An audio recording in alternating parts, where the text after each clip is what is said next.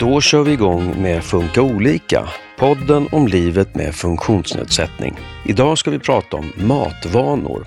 En utmaning för många med intellektuell funktionsnedsättning, eller IF. Hjärt och kärlsjukdomar och övervikt är vanligare i den här gruppen än i befolkningen som helhet. Varför är det så? När det gäller mat så kanske man har ett, eh, man kanske an, använder mat som belöning. Är man ensam mycket kanske man äter mer av det skälet. Det kan finnas en massa olika skäl. Vi har åkt hem till Mir som har Downs syndrom för att prata om förhållandet till mat och hälsa. Så välkommen till det första avsnittet av två på temat matvanor. Vi befinner oss hemma hos Mir som bor i en lägenhet i Årsta. Hej Mir! Tackar. Du är 32 år Japp, och bor i en servicelägenhet här i Årsta. japp. Tillsammans med oss idag så sitter Eva Flygare Wallén. Ja, Du är medicindoktor och jobbar för att förbättra situationen kring mat och hälsa för personer med funktionsnedsättning. ja jag försöker att bidra med det. Du har också tidigare arbetat som skolsköterska på Mirs skola. Absolut, det var där Mir och jag lärde känna varandra. Vill ni berätta kort om det? Men först ska jag också säga att jag heter Susanne Smedberg. Du var ju en av de eleverna som, som gick på skolan och jag tänkte så här att den här skolan måste bli lite hälsosammare. Här kan inte jag sitta som skolsköterska på ett kontor och säga vad som är hälsosamt. Men Det är också ett väldigt bra sätt att få in skorna på ett stadiegym också. Precis, det handlar ju både om att äta bra och röra på sig varje dag för att man ska må bra, eller hur? Ja, Hade du tänkt på de här sakerna innan Eva kom? Det här med att äta bra och eh, röra sig. det kan man säga. Hur, eh, tänk, har du tänkt kring det då? Ja, det, det tycker jag är så roligt att prova på nya saker. Som att laga mat till exempel? Ja, laga mat, det måste man göra. Lagar du mycket mat? Jag brukar göra för storkock här hemma. Du är allting med olika mat av olika eh, nivåer. En del är lite svårare att laga. Det behöver jag hjälp med eh, Körviken, personalen i, Kö- i som hjälper mig. Men Mir, när du får hjälp av servicepersonalen att göra storkok, är det du som har valt recepten? Eh, jag har valt den här speciella olika recept. Exempel eh, med, karamellfärgad pasta exempel. Det är min, eh, min påhitt. Vad har du fått det här matlagningsintresset ifrån? Jag kör på min, min pappas fotboll. Han är proffs och han är, han är riktig matlagningsexpert. Hjälper han dig med matlagningsbiten också I- eller? Ja, jag hjälper han och han hjälper mig. Då, är- då är man ko- kompisar. Eh, är det svårt eh, med det här med portioner att äta lagom mycket eller blir det lätt mycket? Ibland är det mindre, ibland är det för stora. Hur gör du för att kontrollera det där då? Jag måste kontrollera mig, mig själv. Har du någon eh, strategi, något sätt som du gör för att eh, hålla ordning på portionerna? Ibland, om jag äter för mycket, då måste jag lämna maten. Då måste jag lägga, lägga direkt i, i soporna. Är det eh, saker som du eh, vet om att du borde äta och något som du inte ska äta så mycket av? Ät nyttigt, feta saker på lördagar. Eva, vi kommer komma in närmare på ditt projekt eh, och prata mer specifikt om det. Men det här med, nu pratar vi om Mir, han har sina lördagar.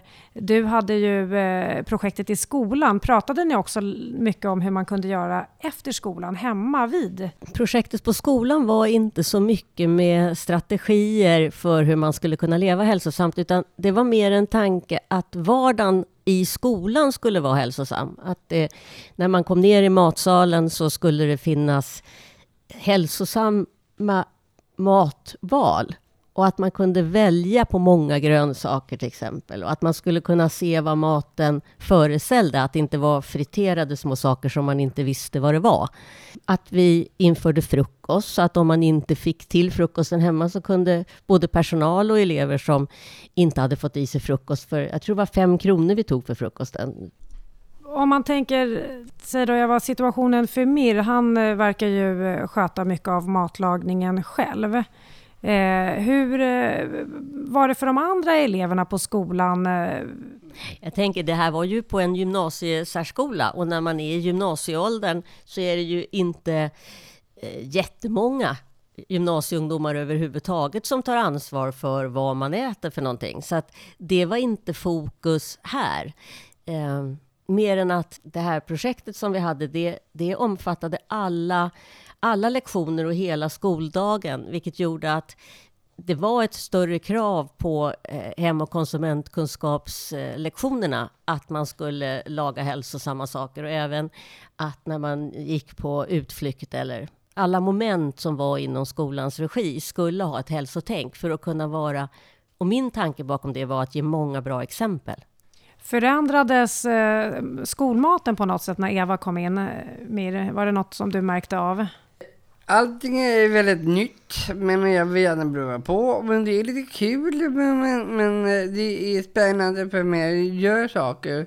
Och du har också hållit på med en matdagbok, vet jag. Ja, jag håller på med, jag håller på att göra det i dygnet runt. Vad står det i den där matdagboken då? Ja, det står en massa olika, olika, olika, måltider vad jag äter. För jag gör det till, till, Martin Nauklär. För min Ma- Martin brukar kolla i allting vad jag äter. Men visst, det började i ett projekt som ni hade på din dagliga verksamhet, eller hur? Med Martin? Det, ja, det kan man säga. Ni skulle följa er hälsa, hur er hälsa var och så skulle ni Ja. följa den. Och då Mm. skulle ni se lite, vad är det man egentligen äter under en Ja, tid? ja. Men jag tänkte på en sak med den här frågan om, om hur skolan förändrades. Att jag tror inte att du kanske märkte så mycket hur det förändrades, för du började när vi hade fått det där projektet. Och då anställde vi en kock för att jag skulle få lite makt över maten. Och så ordnade vi med ett gym som inte vi hade haft förut. Mm. Men jag kommer ihåg att det var en gång, om jag får berätta det, när du, när du blev jättetrött på det här projektet. Ja, varsågod. Ja, för då, hade du, då satt du med fritids. Mm. Och så fick ni någon frukt och någonting till, till, till, fritids, till mellanmål. Och då sa du så här, jag är så trött på den här frukten. Och så gick du upp till mig på skolsköterskeexpeditionen och så ställde du upp en termos på bordet och sen smörgås. Och så sa du, jag är så trött på den där frukten Eva. Men det här är faktiskt kaffe utan mjölk och det är nyttigt. Och den här smörgåsen har faktiskt min pappa sagt är nyttig. Och då blev jag jätteglad. För då tänkte jag så här, Mir, han har förstått att det spelar roll vad man äter. Är, hur är det nu då? Börjar du bli hungrig Mir? Ja. Då tänker jag så här, du har ju sagt att du ska laga lunch till mig och Eva. Ja, och hela eget. Hela gänget. För din pappa är här också och ska Ja. hjälpa till med matlagningen, eller i alla fall eh, sällskapa med dig. Ja. Så då säger vi tack eh, till dig så länge, så Ja, kan ni eh, gå och laga, så får vi se vad det har blivit. Ingenting Sen. är om, omöjligt. Ja, får vi kolla sen då, Eva, om eh, Mir lagar enligt konstens alla regler som ni har lärt på skolan. Jag tänker det också att det, all mat kan ju vara god att äta ibland och bra att äta ibland också. Så oberoende vad Mir kommer bjuda på så blir det säkert bra. Om vi eh, pratar lite allmänt då. Eh, vad har personer med intellektuell funktionsnedsättning för utmaning när det gäller mat och hälsa? Alltså man ser i forskning att redan från kanske tre års ålder så är det vanligare med fetma hos barn som har en, en utvecklingsförsening än annars. Och skälen till det är säkert eh, väldigt, väldigt många. Det kan ju vara att man inte rör sig lika mycket. Man kanske inte kan vara ute och leka lika mycket självständigt. Eh, kan ju vara en sak. Man kanske inte kan sen eh, cykla till, eller gå till skolan själv och som tar bort en massa fysisk aktivitet. När det gäller mat så kanske man har ett... Eh, eh, man kanske an, använder mat som belöning. Är man ensam mycket kanske man äter mer av det skälet. Det kan finnas en massa olika skäl. Sömn påverkar fetma. Man kanske har en dålig sömn, så spelar det roll. Man vet också att ensamhet, man vet att det är fler barn och ungdomar som, som eh, har erfarenhet av, av eh, eller fler, men man har sett att i, i England har man sett att barn och ungdomar med erfarenhet av mobbing eh, utvecklar fetma oftare. Så att det finns verkligen många faktorer. Det är väldigt få eh, orsak, alltså själva orsaken till intellektuella funktionsnedsättningen, så är det väldigt få tillstånd som medför att man måste utveckla en fetma. Du har också sagt att det handlar om eh, både undervikt och övervikt. Man ser i, i, i man, jag kunde se det i, i min forskning där jag tittade på ungdomar i, i Stockholmsområdet med intellektuell funktionsnedsättning.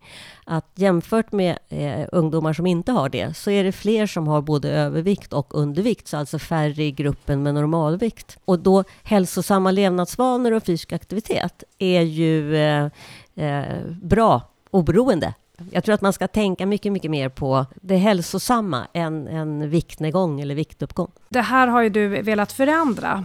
Eh, så du har eh, startade bland annat ett eh, hälsoprojekt på en särskola och det var så du också träffade Mir. Vill du berätta kort om det projektet?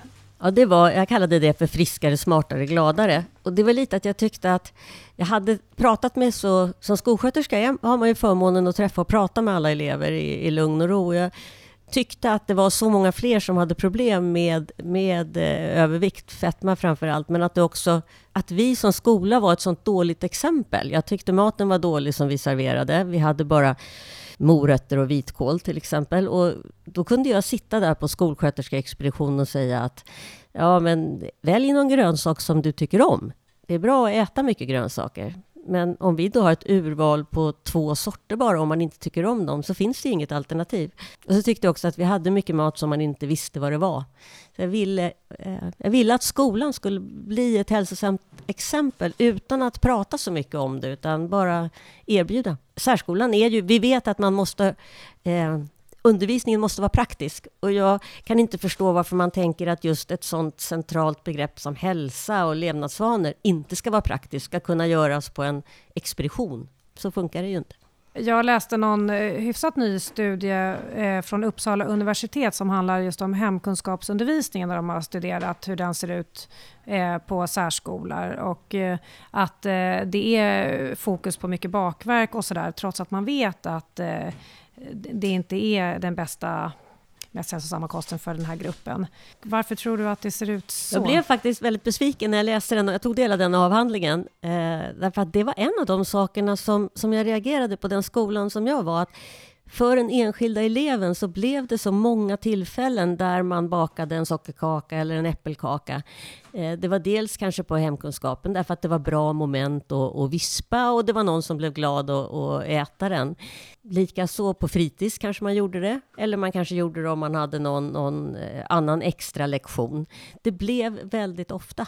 Det var därför jag gjorde det här helhetsgreppet med den här eh, skol, friskare, smartare, gladare, att det verkligen skulle gälla alla lektionspass.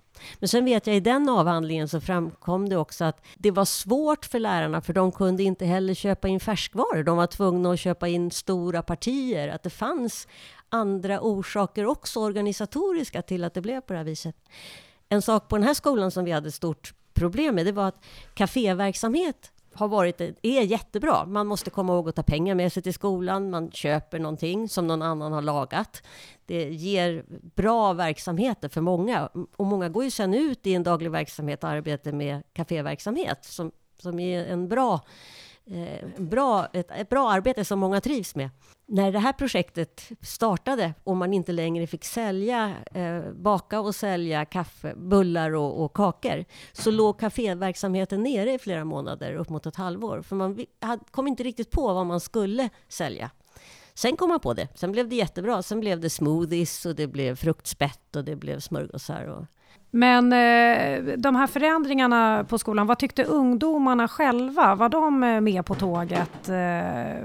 Jag upplevde att det var väldigt positivt från, från ungdomarnas sida.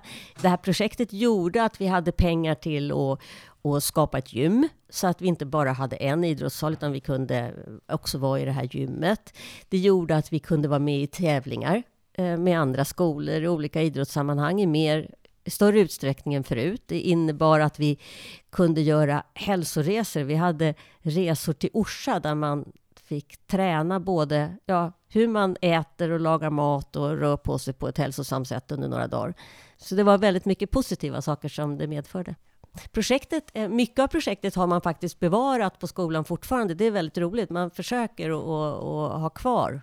Vi hade ju många delar i det här projektet. Bland annat tog vi fram en tallrik eh, som de fortfarande gör på Gustavsbergs porslinsfabrik som illustrerar tallriksmodellen. Lite för att, den tog jag fram med tanke att man skulle komma ihåg vilka olika matgrupper som behöver vara på en tallrik. Inte så att man måste lägga saker på vissa ställen, men hur, man, hur, ser den, berätta lite, hur ser tallriken ut? Om man eh, tallriken har ett bräm, brämet är ju det som är kanten runt tallriken. Och det har de här grupperna, protein som ju kött, fisk eller bönor. Det har grönsaker och sen har det kolhydrater, det här potatis, pasta, ris. Och sen är det smala streck i tallriken som visar proportionerna eh, och där grönsaker har ett stort fält.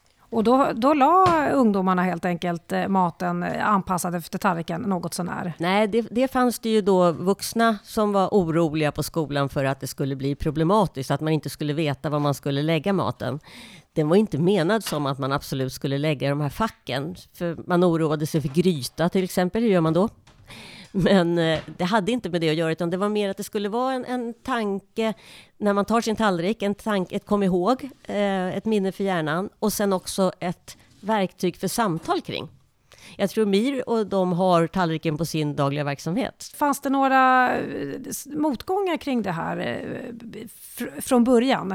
Det var jättemycket eh, problem innan det kom igång. För även om man får pengar till ett projekt så kan det vara svårt att och, och, få de pengarna att gå till absolut det de ska göra. Och vi hade jättesvårt att få igång det här matlagningsköket inledningsvis och, och Fanns det inget kök på skolan innan? Det hade varit det förut, men sen hade det blivit lite nya regler och, och ja, det, men det, så det tog ett tag innan det kom igång.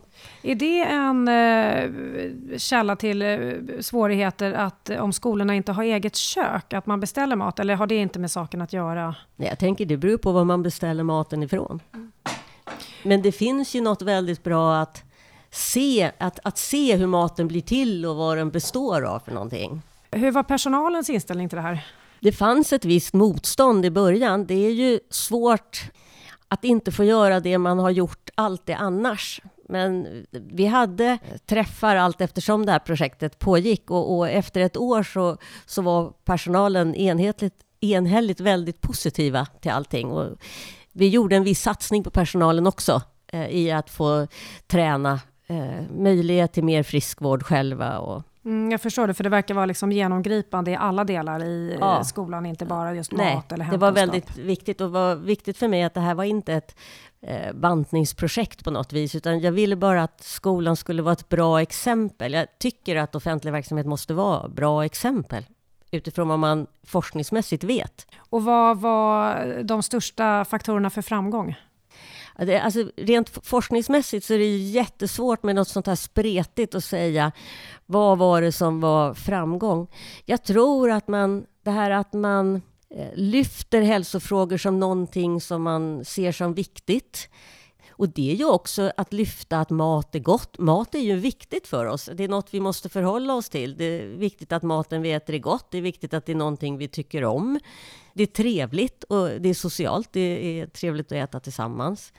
Ehm, jag tyckte frukosten var jättetrevlig där det verkligen blev både personal och elever som, som inte hade hunnit och som fick en stund tillsammans på morgonen på det viset. Hur blev det för eleverna då? Såg ni eh, ökad hälsa hos eh, vissa av ungdomarna? Och... Jag kan inte säga så, men jag hade föräldrar som tyckte, som, som eh, delgav att de upplevde att deras eh, ungdomar åt mer grönsaker hemma, var, var att man hade prövat på mer saker och var mer beredd att, att pröva saker hemma. Jag utvärderade i forskningen de som hade ätit på den här tallriken för att se om det gjorde någon skillnad i vilka matval man gjorde. Eh, och då bjöd jag in 30 ungdomar som hade ätit på tallriken ett halvår på den här gymnasiesärskolan. Och så jämförde jag dem med ungdomar som kom från andra sidan stan, eh, från en gymnasiesärskola och från en annan stad. Så det var 90 ungdomar som kom vid olika tillfällen och så fick de äta på den här, på en, en inte den här tallriken utan bara på, ta mat från en buffé.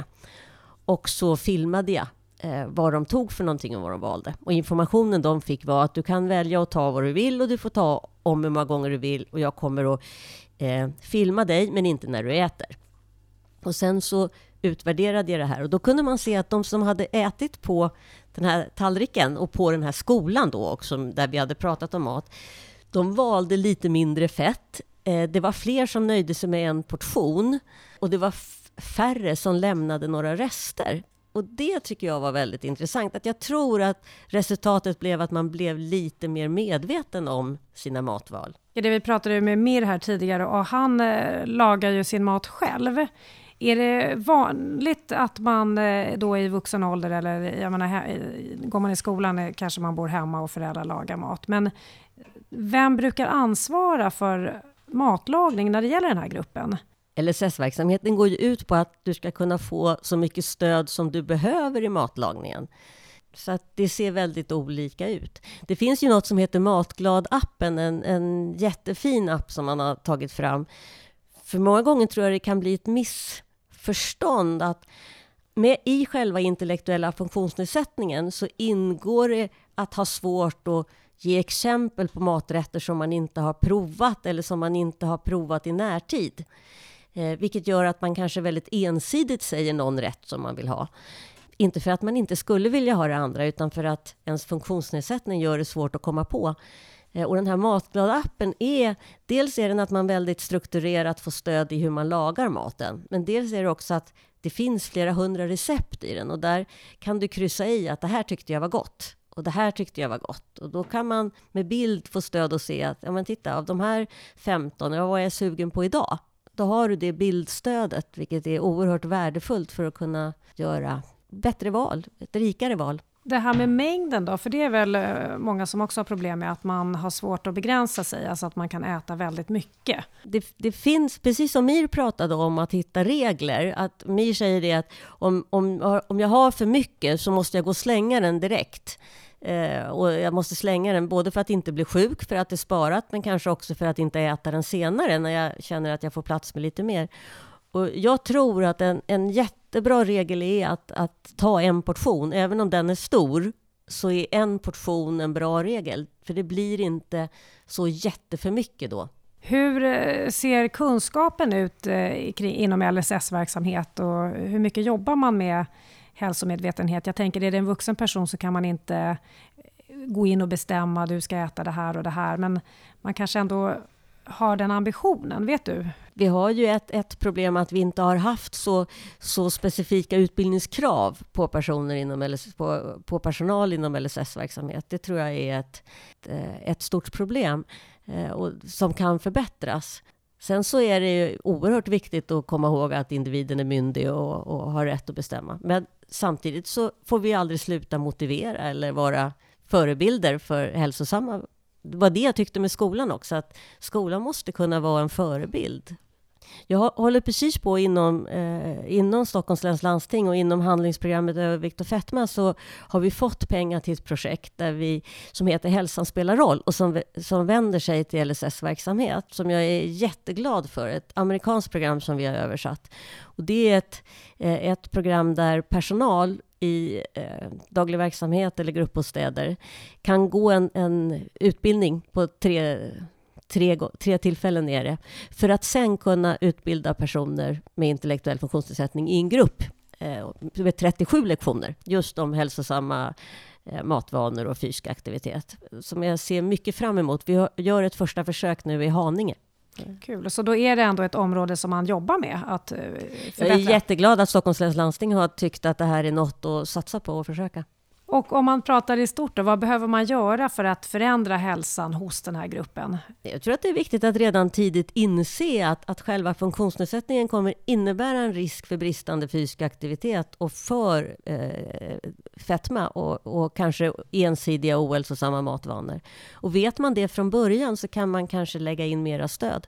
Och eh, hur gör man för att motivera en person som kanske inte vill förändra sina matvanor och rörelsevanor? Jag tänker att det är väl som för folk mest, eller hur? Jag menar, eh, mat är ju någonting som de flesta av oss njuter eh, av och är viktigt att vi ska njuta av. Sen får man väl... Bra förebilder tror jag är viktigt att man, att man får kunskap om mycket bra alternativ. Och du eh, hade ju också lite tips. Eh, du nämnde den här appen tidigare. Har du något annat eh, sådär konkret tips? Nej, jag tycker att om man, har, om man har problem och inte kan så mycket om mat så har man ju rätt att få råd och stöd av dietist på vårdcentralen. Eh, vårdcentralen generellt har ju ett, ett uppdrag att hjälpa befolkningen med hälsosamma levnadsvanor om man håller på att bli sjuk av det. Och eh, om man kort säger, vad är viktigt att tänka på? Finns det någon sån, eh, tänk på de här fem grundreglerna. Ät grönsaker, frukt, eh, godis på lördagar. Jag vet inte, hade ni någon sån eh, lista på skolan? Nej, det hade vi inte. Men, men om jag skulle säga någonting så är det att försöka äta mycket frukt och grönt. Därför att det har så många bra faktorer. Det är inte bara det att det tar plats. My sa det till mig förut, jag åt eh, grönsaker och så, då blir jag mätt av dem. Eh, men det är också det att det är så viktigt för blodkärlen att få i sig de ämnena som finns i, i frukt och grönt. Eh, rörelsebiten då, om man inte tycker att det är så kul att motionera. Är det det här klassiska, ta, hoppa av tunnelbanan eller bussen en station tidigare? Jag tycker att man ska tänka på fysisk aktivitet lite som tandborstning. Att har jag inte fått till en promenad så, och inte gjort något annat, så ta en promenad innan man går och lägger sig. Nu har vi suttit och snackat här lite och du har stått och lagat mat. Ja. Vad blev det för någonting? Det blir vegetarisk köttfärssås med spaghetti. Har du kört den här äh, karamellfärgen den här gången? Ditt specialrecept? Det blir, det blir utan. Kan bli gott ändå. Ja. Men innan vi nu börjar käka så tänker jag, då vill jag säga, då ska jag bara säga tack så mycket för att vi fick komma hit och prata med dig Mir och vara i din lägenhet. Mm, tackar. Och tack till dig Eva Flygare Wallén, medicindoktor och kunnig inom det här området hälsa och funktionsnedsättning. Och nu eh, börjar det kurra i magarna här. Nu har det börjat ställas fram pasta och eh, broccoli, någon sallad här ser det ut som. Så att, eh, japp, då käkar vi helt enkelt. bon appetit. Bon appetit! Du har lyssnat på Funka olika, en podd från Habilitering och hälsa i Stockholms läns landsting. Vill du veta mer om matvanor och funktionsnedsättning? Läs det senaste numret av vår tidning Funktion i fokus. Ett helt nummer om matvanor. Gå in på funktion.se för en gratis prenumeration. I nästa avsnitt ska vi prata om ätstörningar bland personer med autism eller ADHD. Lyssna då!